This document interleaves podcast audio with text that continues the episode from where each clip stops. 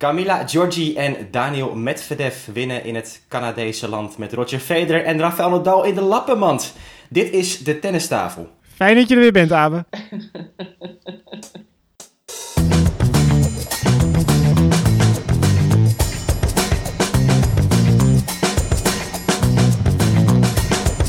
Please take your seats quickly, ladies and gentlemen. Thank you.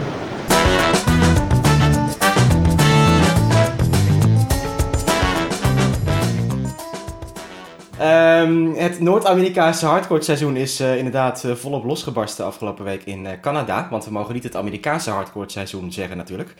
Verspreid in Montreal en Toronto, zoals het gaat. Altijd rolerend. De, de, mannen in de ene stad, de vrouwen in de andere stad.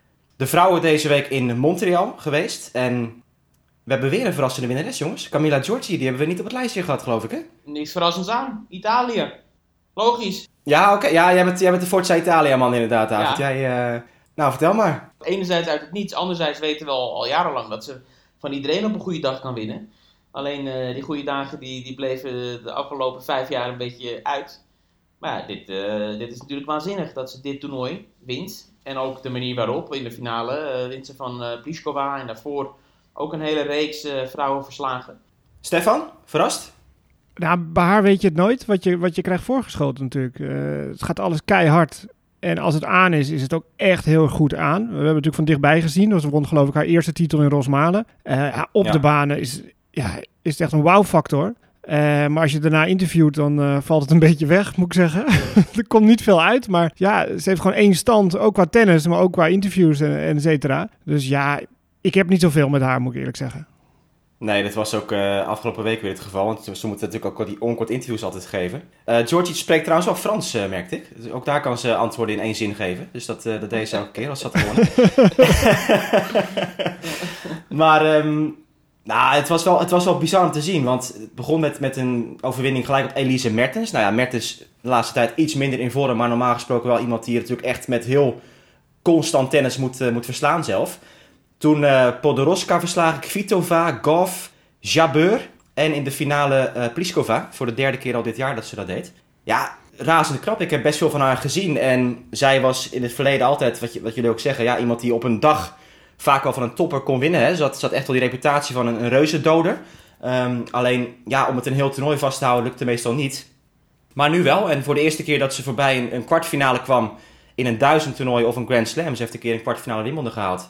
En ja, ze hield niet op. En um, ja, viel echt niets op af te dingen. Dus uh, heel knap van, uh, van maar... Giorgi. Ze begon als nummer 71 van de wereld. En maakt nu weer een grote sprong. Maar wat was het dan? Wat was het verschil tussen Camilla Giorgi deze week en die Camilla Giorgi die, uh, die plan A heeft en als plan A niet lukt, plan A+. Nou ja, plan A, plan A hield stand. Oké, okay, dus niet dat ze iets anders heeft, heeft gedaan. Want we kunnen daar eerlijk over zijn. Stefan en ik, wij zitten beide in het buitenland nog steeds. En hebben ja. wel toegang tot de beelden, maar ze zullen er niet zo op gezeten hebben als jij de afgelopen week. Dus ik ben wel echt benieuwd of, er een, of er een, soort ja, nieuwe Camilla Giorgi uh, ineens uh, is. Nee, ik heb dus wel meerdere wedstrijden van haar uh, gezien. En, en kijk, waar het mee begint bij haar is de service. Want die service is vaak in het verleden echt... Ja, zij heeft jaren volgens mij bovenaan de, de lijst gestaan van meeste dubbele fouten in een jaar. En deze week, die service, ze sloeg nog steeds dubbele fouten. Maar het was ook echt wel vaak een wapen. En ook die tweede service dat ze echt ja, goed gebruik maakte van... Um, van toch de druk daarmee die ze kan geven. En nou ja, als die bal dan terugkomt half koord, ja, dan is die bal gewoon weg. Weet je, dat was gewoon, zij, zij kon domineren ook tegen andere hardhitters als Kvitova en, uh, en Pliskova. Echt, echt knap dat ze het zo constant volhield. En toch een soort, toch een soort rust merkte hij bij haar nu wat meer dan in het verleden. Want het was echt compleet onbesuisd vaak in het verleden. Er zat iets meer marge misschien in nu. Ze is natuurlijk nu al uh, ja, 29 jaar ondertussen. Ja, een knappe prestatie. En die gekke papa nog steeds aan de zijlijn? Nee, die was hij niet. Die heb ik niet gezien. Nou, kijk eens ja. aan. Kan zijn dat hij er wel was hoor, maar ik heb hem niet in beeld, uh, beeld gezien in ieder geval. Dus uh, ja, misschien dat dat ook een... Uh... Wat die kant een keer gaan hè, dat is niet normaal. Ja, dat is echt as asociaal gewoon. ook dit jaar in Rome een keer een wedstrijd van, van Georgie gezien. Dat was echt, echt gewoon, ja, letterlijk asociaal. Geen fans op de tribune daar, en dan zat die papa schuin achter de umpire. En die zat dan allemaal dingen te roepen de hele tijd als er een call kwam waar hij het niet mee eens was. En die umpire voelde zich gewoon bedreigd half. die, die vroeg de referee erbij toen. Dat is weer een paar maanden geleden. Sabalenka natuurlijk, uh, Stefan, ook meegespeeld daar zo. Want uh, het leek erop dat uh, dit haar week ging worden. Speelde echt een uh, fantastische wedstrijd tegen Azarenka in de kwartfinale. Waar ik ook commentaar bij heb gedaan. Dus goed gezien hoe, hoe, dat uitpakte. En ik dacht van nou, dit is, Hier staat geen maat op deze week, maar verliest dan weer van Pliskova. Net als de halve finale van Wimbledon.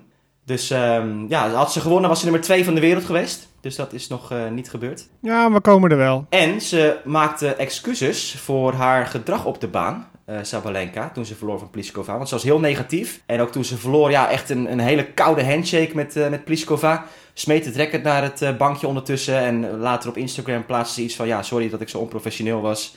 En ik weet ook echt niet waar die handshake vandaan kwam. Ik was even met mijn hoofd al helemaal weg. Dus ja, kort samengevat was dat de week eh, van de vrouwen. Ook zoiets, hè, dat excuses aanbieden. Jongens, doe gewoon rustig. Als je dat gedaan hebt, eh, laat het gewoon gaan. Weet je, het is mooi dat ze boos is. Gelukkig dat ze boos is. Het was was geweest als ze had gezegd, eh, als het maar leuk was eh, vanmiddag. Weet je, dat is toch gewoon Ja. normaal. Kom op. Als ze dat nodig vindt, kan ze dat achter de schermen doen. Het hoeft toch allemaal niet zo... Jij maakte nooit excuses op de baan, David. Of was niet nodig? was niet nodig. Nee, nee. Het is altijd overduidelijke overwinning. Oh ja, ja. Nauwelijks reden tot, Ja, eh, tot woede. Ja. Ja, maar dan kan je ook sorry zeggen als je wint, heb ik begrepen deze week. Ja, Want ik zag eh Medvedev, die won van Hoerkats, geloof Klopt. ik. Derde set tiebreak. En die zei, sorry, jij was beter. ja. ja, Stefan, jij zit nog in Polen, hè? David in Armenië, het is net even aangehaald. Jullie zijn nog echt de, de vakantiemannen. Ja, ik doe een eh, roadtrip eh, eigenlijk door het zuiden van Polen. Eh, wat familiebezoek gedaan, eh, de bergen in geweest. eh, nog een beetje gesport, een beetje gemountainbiked en eh, gewandeld eh, door de bergen. Om toch eh, al die pierogies en al die lekkere vette hapjes hier eh, zorgen dat ik eraf ging. En ik heb wel wat tennisbanen. Ik ga altijd even op zoek naar tennisbanen. Dus eh in Polen waar ik geweest heb je een aantal clubs. En eh, waar was ik? In Wies- in de bergen, lagen drie tennisbaantjes. ja, achter elkaar, een beetje provisorisch. Niemand speelde, het was veel te heet natuurlijk. Maar ik zoek ze altijd wel op, al die gravelbaantjes. Oké, en wat is de, de toeristische tip voor mensen die ook nog een roadtripje Polen willen plannen? Nou, de bergen in het zuiden, dat is echt, is echt eh, heel erg mooi. En eh, dan kan je mountainbiken, wandelen. En ik heb zo'n berghutje helemaal bovenin. Hebben we met zo'n oud eh, dik vrouwtje gegeten met een koe voor de deur. En eh, voor de lunch was echt geweldig. Een mooi uitzicht. En dat is op de grens met Tsjechië. Dat is echt prachtig. Oké. En David nog steeds in Armenië? Bij Ja, de family? ja, ik heb getennist inmiddels ook. Oké. Tennis bij eh, de Orange Tennisclub, grote tennisclub. Hebben jullie wel eens die beelden gezien?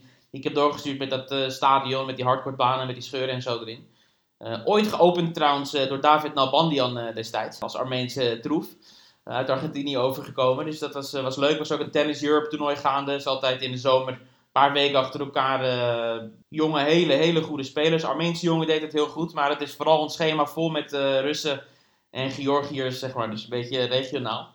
Maar wel echt, echt genieten hoe die 12 tot 14-jarige kinderen als, als een stel beesten echt te werk gaan.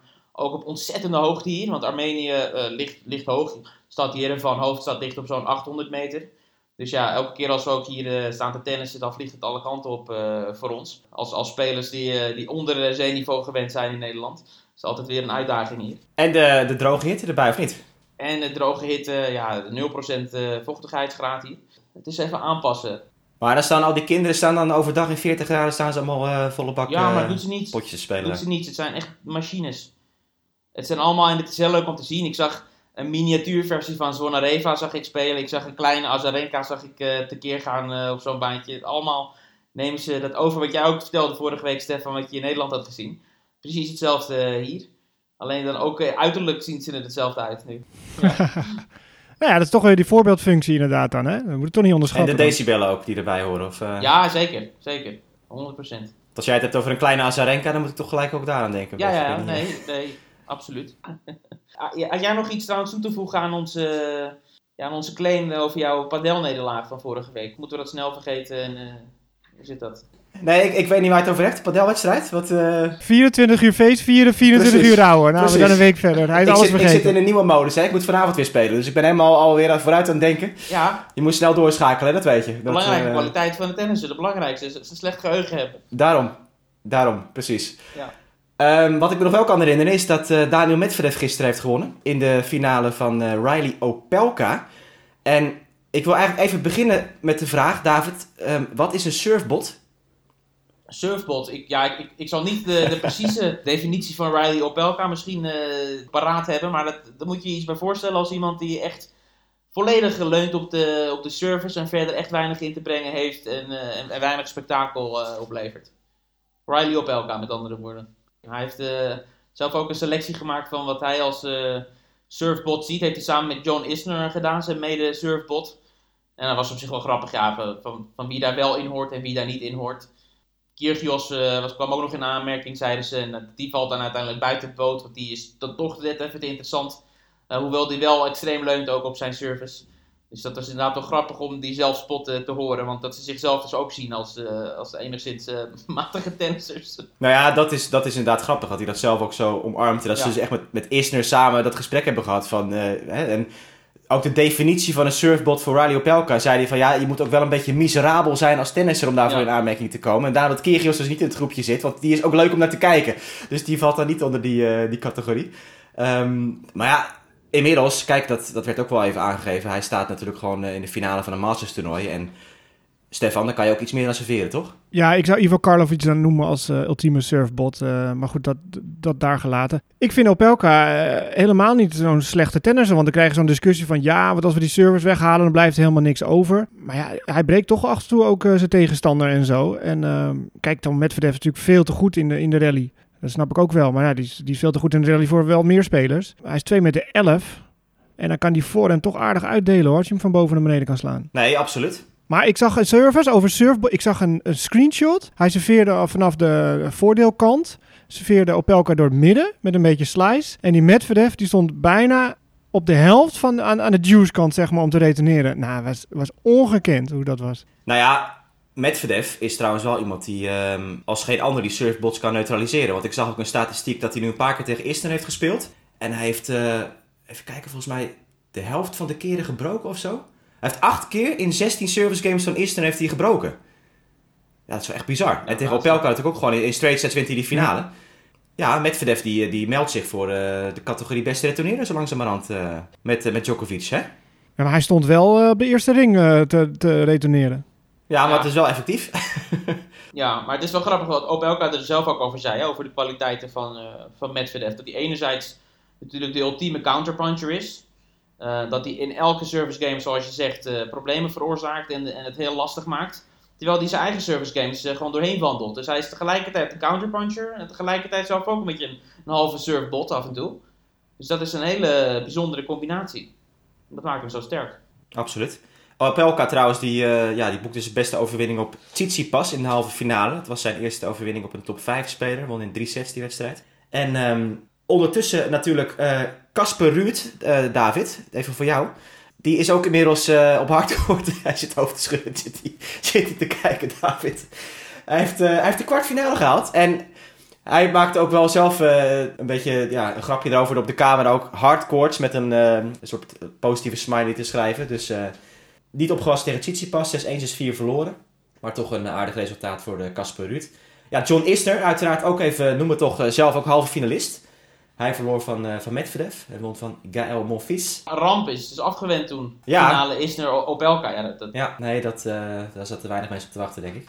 hey, Abe, je had het net over Ja. sorry zeggen. Maar had je gezien in die, eh, in die rally tussen Medvedev en Ja, Bublik? ja, ja, ja, ja, precies. over. Eh, eh, eh, Medvedev die, die of wat, wat, hij sloeg heel hard op Bublik. Bublik Ja. lag op de grond, maar had die bal nog wel terug. Ja, toen kreeg hij een hele makkelijke bal. Medvedev terwijl Bublik op de grond lag. En, en, en Medvedev, oh sorry, sorry. Voordat hij zijn eigen bal nog moest slaan. En toen greep de umpire in van ja, hindrance. Voor Ja, ik punt. denk dat de meeste, de, meeste, de meeste mensen dit wel hebben gezien. Want ik kreeg ook appjes van mensen die niet heel vaak tennis kijken. En eh zeggen, hey, heb je dit al gezien? En eh, ik zeg, ja, mijn reactie was, ja, de umpire maakt juist de call. ja, tuurlijk. Ja, is waar. Maar ja, een beetje de wedstrijd aanvoelen.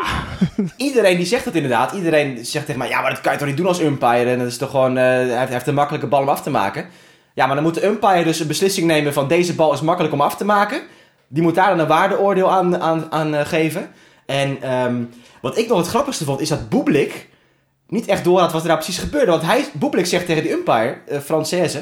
Wie, wie had er dan hindrance? Wie, wie onderbrak het punt? Wie sprak er tijdens de rally? Weet je wel? Heb ik dat gedaan? Nee, dat was hij. hij had helemaal niet in de gaten wat er precies eh, aan de hand was. Alleen, het knappe was natuurlijk überhaupt dat hij die bal terugkreeg. Want hij, hij duikt naar de grond, houdt zijn racket nog ergens voor zich... en op een of andere miraculeuze wijze komt die bal nog terug. Ja, de umpire gewoon een goede call gemaakt, ja. Het is, het is heel knullig misschien. Het is alleen, ik vond het ook een beetje knullig dat, dat het op, op social media wordt gezet. En het is een beetje een soort filmpje waarin die umpire bijna voor, voor paal wordt gezet, weet je. Alsof zij het fout heeft gedaan. Eh, omdat het natuurlijk gewoon heel knullig overkomt als je dat zo ziet. Terwijl zij doet gewoon het juiste. En eh, ja, Maar in, dat soort situaties vind ik altijd, dan moet bijvoorbeeld Boebelik zeggen, nee joh, dat punt hoef ik helemaal niet. precies. weet je. Dat zou Het kunnen. was- Dat zou kunnen, ja. Weet je, dat zou, zou gewoon moeten zijn. En dat vind ik wel vaker hoor, in dit soort situaties. Niet dit soort situaties, maar situaties dat Ja. ik denk, kom op speler. Dit punt wil je niet eens op deze manier claimen of hoe moet je het krijgen, Nee. zeg maar. Weet je, iedereen ziet dat het punt is eigenlijk voor de ander. En eh, dat mis ik wel eens bij spelers. eh, vooral bij, eh, bij, bij vrouwen, die, die, die gunnen elkaar helemaal niks. Maar ook wel bij mannen, die denken van kom op. Je kan dat best wel toegeven van, nee, weet je, dat punt is voor de, voor de overkant. Maar dat laten ze dan te veel aan de umpire over. Ook zo'n hele discussie of zo tussen speler en umpire. Denk ik ja, als ik dan die andere kant ben, zeg ik, nee joh, prima, we spelen let. Of eh, je krijgt het punt, weet je, kom op. Maar dat is misschien iets te amateuristisch gedacht. Nou, dat was met Muguruza ook bij de Olympische Spelen. Die krijgt vol een bal op de voet achter de baseline en die, eh, die claimt het punt gewoon. Umpire zag het niet en eh, ja, goed, ja, de umpire beslist. Zo kan je het ook zien. Maar... Wat ik trouwens ook wel weer echt... Ik, het blijft me erover verbazen dat het allemaal wordt toegestaan. Eh, een, een Pegula, die speelt een halve finale. En die komt met een ingetaped bovenbeen de baan op. En dan zijn er vijf games gespeeld. Staat ze 4-1 achter. En dan gaat ze naar binnen voor een medical timeout om een nieuwe tape te laten zetten op het bovenbeen. Dan denk ik van ja, wat, dat kan toch niet? Je komt de baan op met een tape op je bovenbeen. Je hebt 20 minuten gespeeld. En dan ga je een medical timeout. Dat was tegen Georgie trouwens. Georgie stond ook een beetje zo bij. Van, ja, wat, eh, een beetje een cynische blik van eh, dit is gewoon puur... eh, ja, hoe zeg je dat? Een beetje spelbederf. Ja, en dan zit je weer 10 minuten te wachten. Want ze gaat die kleedkamer in, weet je. En dan eh, wordt, wordt er eerst nog eens een diagnose gesteld. En eh, ja, dan zegt de umpire op een gegeven moment... Oké, nou, nu begint die medical timeout voor drie minuten. Is het klaar. Dan moet ze weer terugkomen lopen uit de kleedkamer. Ik vind het echt belachelijk dat zoiets kan. Ja, maar daar kan Pagula niks aan doen. Hè? Dat zijn de regels van eh, de WTA in dit geval. Hallo. ja, het zijn de regels van de WTA. Maar het is wel bizar dat je zoiets doet, toch? Ja, jij vind vindt het het onsportief. Ik, ik zit er meer en meer over na te denken. En die medical timeouts, volgens mij kunnen ze die gewoon helemaal afschaffen. Als je echt geblesseerd bent, dan helpt de medical timeout ook niet. En als je iets met een tape, tape nodig hebt, nou, regel het maar in die anderhalve minuut eh, changeover. Zo sta ik erin. Ik, het, het, is, het wordt zo ontzettend vaak eh, ingezet. En 9 van de 10 keer heeft dat toch gewoon nul effect. Nee, maar wat maakt het uit om vijf minuten te wachten als Nou, tegenstander? nee, niet voor als tegenstander, als, als, als televisiekijker. Ja, nee, dat is een goed punt. Kijk, de dode momenten in tennis die zijn er sowieso al vrij, eh, vrij veel. Set 1 is gespeeld. Eh, de speelster gaat naar binnen om zich om te kleden. Nou, dat is al vijf minuten oponthoud. Andere set is gespeeld, gaat de andere speelster naar binnen vijf minuten om, om te kleden.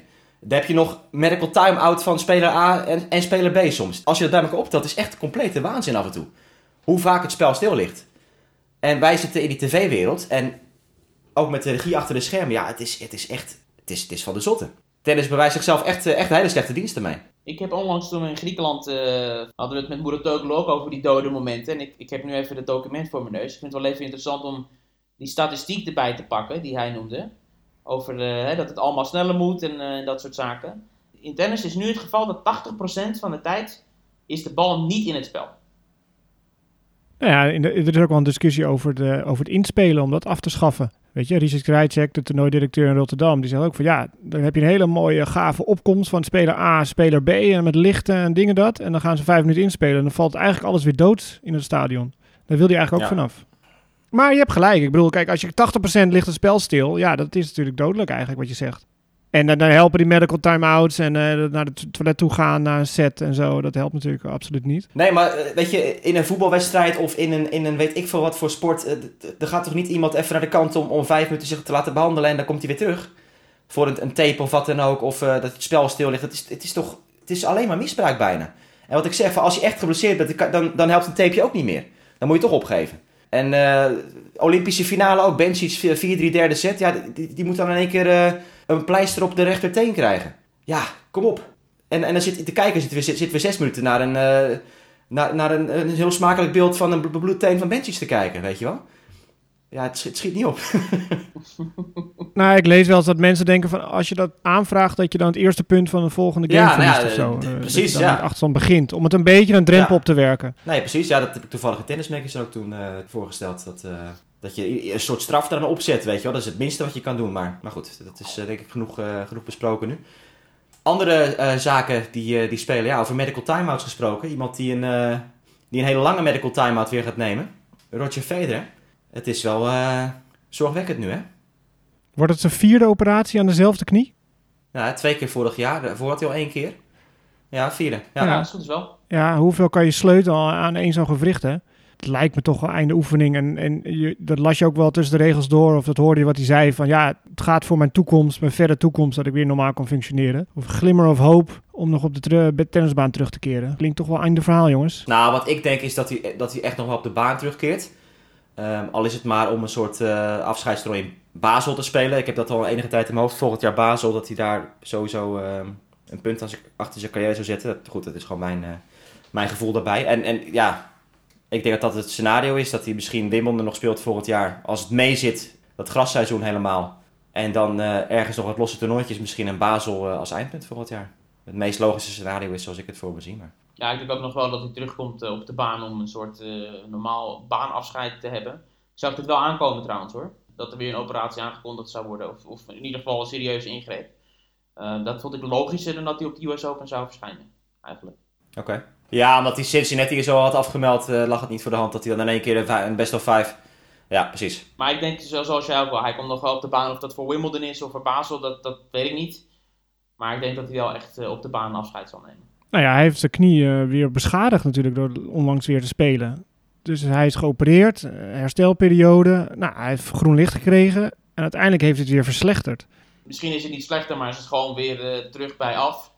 Weet niet of het nu nog slechter is dan voor zijn vorige operatie. Dat, die details kennen we niet. Nou ja, goed, dat is een, een klap geweest. En natuurlijk ook, eh, ja, een paar weken geleden had ik het erover dat het erop leek dat Nadal zich eh, helemaal lekker in dat Amerikaanse seizoen zou gaan, eh, gaan werken. Met, met Djokovic die aan het herstellen is. En jij zegt ook, David, het wordt misschien een mooie tweestrijd dan bij de US Open. Dat is ook helemaal in het water gevallen. En ik vind dat wel, ja, misschien nog wel een grotere verrassing. Zeker een paar weken geleden terugdenkend dat dit eh, zo helemaal mis is gegaan nu voor, eh, voor Nadal. En gaat hij nog naar, eh, naar New York, denken jullie? Hij is nu teruggegaan naar, naar Spanje om weer te trainen. Ik heb wel beelden gezien dat hij daar staat, staat te trainen. Maar ja, dat is natuurlijk ook een zorgwekkende situatie nu geworden met die, met die voet van hem. Zeker, ja. Stefan en ik hebben het vorige week al vrij uitgebreid erover gehad. Het echte nieuwtje misschien in deze is dan dat hij terug is, hè. naar Europa gegaan, wat je zegt. Ja, is ook wel een, echt een Nadal-actie, denk ik, hè. Als, als hij naar huis kan, als er eh, tijd is, dan, dan zal hij dat wel aan- aangrijpen. In plaats van eh, met een helm op zijn hoofd eh, de toeristen uithangen in allerlei Noord-Amerikaanse locaties. Eh, Het Witte Huis in New York bezoeken. Ja, precies. Nee, ik denk wel dat hij gewoon speelt, hoor. Ik denk Oh, ja? dat hij gewoon terugkomt. Stefan? Ja, denk ik ook. Ik, ik, ik denk dat hij is natuurlijk niet voor niks naar Amerika gegaan. Heeft die hele planning gemaakt. En er zit een kleine setback. Maar ik denk niet dat het heel groot is. Misschien is het meer uit voorzorg, weet je. Anders had hij die trip nooit aangevangen. Ja, daar zit wat in. Nee, wij hebben vorige week, toen jij er niet was, Aben, het over gehad dat het een beetje een rare opmerking van hem was. Dat hij zei van, hé, ik voel me op zich goed, alleen die voet moet, Ja, moet ja. minder pijn doen. Ja, het moet minder pijn doen. Eh, hoe doe je dat? Hij zei het op zo'n manier van, hé, ja, dat is het enige probleempje, hè. dat moet gewoon even minder Mhm. pijn gaan doen. Ja, Roger heeft het ook. Alles, alles gaat goed, alleen ze zegt de knie eh, moet even, even geen pijn meer doen. Dat, eh, Ja, dus dat was een beetje een rare benadering van het probleem. Ja, maar misschien heeft hij een hele goede podoloog daar in eh, Mallorca zitten. Die eh, speciale zooltjes voor hem maakt. Of eh, helemaal zijn lichaam heel goed kent. En wil hij daar gewoon advies in winnen. Nou ja, kijk, het feit is, kijk, dit is, dit is geen nieuwe blessure. Dit is een blessure die Nadal zijn hele carrière al managt. En daarom dat hij natuurlijk wel zo'n opmerking maakt, denk ik. Omdat hij gewoon weet van, ja, dit heb ik mijn hele leven al. Deze, deze voetpijn. En ik weet ook in 2005, toen er werd tegen Nadal gezegd, ja, jij, jij kan geen tenniscarrière hebben. Het gaat niet werken met die voet. En toen heeft hij al een hele aanpassing in zijn voedsel en zo gehad. Inderdaad, dus dat, dat, hij, dat hij met een speciale, ja, de- de- soort stand van die voet altijd eh, zijn tenniswedstrijden speelt. Dus hij, hij, hij tennist in feite al 16 jaar met die handicap. En daar dat hij natuurlijk denkt van, oh ja, nu speelt hij iets meer op. Maar goed, ik, ik weet ook hoe het normaal gesproken gaat. Dan pieken en dalen, dus het zal wel weer minder gaan misschien. Eh, of minder worden, die pijn. Alleen, ja, het, het is blijkbaar nu toch wel iets eh, wat, eh, wat meer pijn doet dan gemiddeld. Laten we het zo zeggen. Maar dan kan er toch gewoon een spuit in? Nou ja, daar moet ik daar antwoord op geven. ja, hoe moet ik, het, hoe, hoe moet ik het nou weten? Open vraag. Open vraag. Maar er is ook nog goed nieuws te melden eh, dat Federer Ja. niet meedoet. Tel een Griekspoor. Staat rechtstreeks in het hoofdtoernooi van US Open. Door de afzegging van Roger Federer. Nou, dat is toch Eerste mooi. keer hè? Main draw direct. Ja, hij heeft hij hard voor geknokt de laatste eh, maanden. Absoluut. Boot ik nog wel kwalies dan natuurlijk. Ja, en Ja. Robin Haase ook. Staat er eh, staat in de kwalificaties, ja. En de Nederlandse tennis had eh, meer succes afgelopen week. Want uh, Aranska Rus die heeft gewonnen in Gran Canaria. Goeie finale wel. Ja, ik heb de wedstrijd niet gezien. Maar goede, goede winst op die Maya Sharif. Want die heb ik toen in Cluj een paar keer ook zien spelen. En dat was een ehm, ja, doorbraak. Eerste Egyptische ooit die een WTA-finale haalde. En zat dus in goede vorm. En ook daar in Gran Canaria finale bereikt. Dus vind ik wel knap van Rus dat ze daar eh, van wist te winnen. Het is inmiddels wel duidelijk hè, dat, dat Abe niet, niet luistert als Nee, zelf nee, nee, eh, precies. nou, Een, narcist is het. Alleen als je zelf meedoet, dan eh luistert hij al die podcast al. maar al die goede informatie die wij geven, nee, dat, dat weet Even je een al. reminder. Maar goed, je, je bevestigt even wat Ja. David in de vorige podcast zei, Ja. inderdaad. maar, maar, daar hadden we het dus eigenlijk over, ook wel, ik, ik weet niet of jij daarbij was, Abe, maar we hadden het een keer over dat Aranska Rus eigenlijk, eh, hoe zeg je dat, te groot voor Servet en te klein voor Tafellaken is. Want op de WTA-tour is het dan weer steeds net niet. Dat je denkt van, nu moeten ze de punten halen. En dus een 60.000 ITF-toernooi wint ze dan weer. Ja, het zijn niet onwijs veel punten. Ze stijgt wel eh plek, plek of 10 of zo, eh, richting plek 70. Eh, terwijl eh, 60 is haar eh, persoonlijk record. Dus ze komt daar toch eh, wel weer in de buurt. Maar weer door al die kleine toernooitjes op te rapen. Maar ze moet toch door nu naar die WTA. Ja, het is hetzelfde bandje inderdaad weer, hè, wat, we, wat we kunnen afspelen. Maar ehm, nou ja, goed, als ze zo op deze manier in de top 100 kan blijven, is het ook gewoon ja, niet verkeerd, laten we eerlijk zijn. En ja, kijk, Ananska Rus zal nooit in de top 20 speelster meer worden waarschijnlijk. Nou, mooi succes in ieder geval voor haar. De David, Dominic Thiem, die hij nog tegenkwam, die eh, is ook nog steeds eh, niet in een vliegtuig gestapt, of wel? Wat deed hij daar nou in Wenen? Ja, misschien was hij toch echt daar voor de McDonald's speciaal. Nee, eh, maar hij heeft wel is van het ding af, hè, geloof ik, van zijn polsbrace. dus er is wel enige vooruitgang. Over een paar dagen dan maakt hij bekend of hij naar de US Open gaat. Dus dat, waar hij natuurlijk vorig jaar hè, zo goed heeft gespeeld met zijn Grand Slam titel. Ja, het is ongelooflijk hè, dat je gewoon een jaar verder een team helemaal weer uit de picture en niemand heeft het over hem. Hij is gewoon de titelverdediger daar straks. Maar niet de grote favoriet. Ik denk dat we er maar één eh, of twee namen kunnen invullen. Dat is Medvedev en Djokovic, denk ik. Het is, het is allemaal, het ligt heel anders heen eens. Want eh, ook nu eh, met dat Federer nieuws eh, begonnen alle klaagzangen alweer van hè, nu is het echt voorbij, een grote drie. Dat lijkt dan nu echt voorbij en dat zie je ook terug in al die schema's. Volgens mij zag ik dat het voor het eerst in 20 jaar is dat in Cincinnati ook ehm, ja, niemand van de grote drie mee gaat doen. Federer, Nadal of, of Djokovic. Dus ja, even kijken. Ja, Medvedev is daar eerste geplaatst komende week. Is natuurlijk weer een 1000 series toernooi. Tsitsipas tweede geplaatst, Zverev nummer 3. Rublev nummer 4. Ja, het is de nieuwe tijd in dat opzicht. In ieder geval in de, in de Masters toernooien die is, eh, die is aangebroken. En eh, bij de vrouwen Barty en Osaka weer terug. Osaka die nog in het nieuws kwam omdat ze haar prijzengeld van komende week zal gaan doneren voor eh, de slachtoffers van de aardbeving in Haiti. Waar haar vader natuurlijk vandaan komt. Ja, toch ook wel interessant natuurlijk hè, hoe zij de draad weer gaat oppakken. En straks ook eh, ja, alle mediaverplichtingen, hoe ze daarmee omgaat. En alle persconferenties, of ze die gaat doen. Tweede ronde tegen, tegen Goff in eh, Cincinnati kan, eh, kan het worden. Ja, sowieso. Dat schema is heel interessant. Als je, als je daar doorheen loopt en die geplaatste spelers ziet en even ervan uitgaat dat, dat ze winnen, waar ze dan daarna tegen moeten. Je hebt echt heel vroeg in het toernooi al fantastische affiches. Bencic van Drosova, finale van de Olympische Spelen in de eerste ronde. Krejcikova die weer terug is, die moet tegen Kasatkina. Die heeft pas ook een finale gehaald nog, de Russin. Dus ja, het is al vanaf het begin, eh, wat je zegt, heel interessant.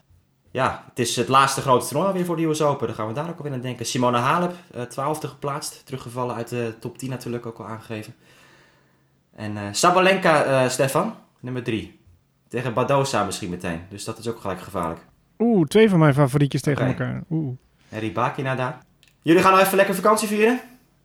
Ja, ik zit nu in eh Krakau, waar het eh, bloedheet is. Eh, dus ik ga zo de stad in op zoek naar een, een lunchplekje, maar ik denk dat dat indoor wordt. en dan morgen, morgen rijden we via Auschwitz, stoppen we daar. Gaan we door terug naar de familie en dan vrijdag rijden we naar huis. Oké, hoort een eh, interessante dag eh, morgen dan, het Auschwitz. Ja, ik ben er al een aantal keer geweest en eh, mega indrukwekkend. En ik ben twee keer geweest en allebei de keren eh, gewoon kippenvel en, en kwam het op een andere manier binnen. En eh, nu ga ik voor, voor het eerst neem ik mijn dochter mee. Die is eh, oud genoeg, 13, om daar een kijkje te nemen. En ja, ik raad het iedereen. Iedereen moet het een keer gezien hebben, vind ik, in je leven. Dat is eh, heel indrukwekkend. Je hebt nog twee weken, David, toch? Of, eh? Ja, Nou, volgende week weer eh, inbellen dan maar. Ik eh, moet nog iets zeggen. We zijn eh, getipt. We kregen een mailtje van eh Jilles Visser over. ik had geroepen dat padel een demonstratiesport sport wordt op de Olympische Spelen. Maar dat heb ik opgevangen op een padeltoernooi door verschillende mensen. Die hadden het erover. Maar die, het was niet helemaal correct. Het gaat wel naar de Europese Spelen, geloof ik. Maar het is nog niet in Parijs op de Olympische Spelen. Dus dat moesten we ook even recht Nee, ik zat erover na te denken, ja, want wij zaten daar toen in, in Leiden en dat gerucht ging inderdaad rond. Ik weet niet waar het nou precies vandaan kwam, maar waren mensen die het met redelijk wat overtuiging eh, hadden geroepen. Dus. Maar goed, dat is dus inderdaad eh, niet zo. Geen padel op de Olympische Spelen, wel eh padel overal in de buurt. Het wordt alsmaar meer. en ik ga weer lekker spelen vanavond, jongens. Dus veel plezier in de hitte. Het is eh 15 graden vanavond, zag ik hier in, in Katwijk moet ik spelen. Dus het wordt, ja, ik, ik wacht nog lekker af tot de zomer gaat beginnen. Misschien zijn jullie net op tijd terug voor de Nederlandse zomer straks in, in september misschien. Dus, Ja, ja, helemaal top. Nou, volgende week eh, ben ik gewoon weer live eh, in Nederland. Eh, gaat iets soepeler dan nu via WhatsApp en alle dingen, hoe we dit regelen. Dus eh dat wordt wat voor de edit, eh, David, zo meteen. alright. Nou, veel plezier, succes en ehm, aan alle luisteraars tot volgende week uiteraard voor een nieuwe tennistafel. Tot dan!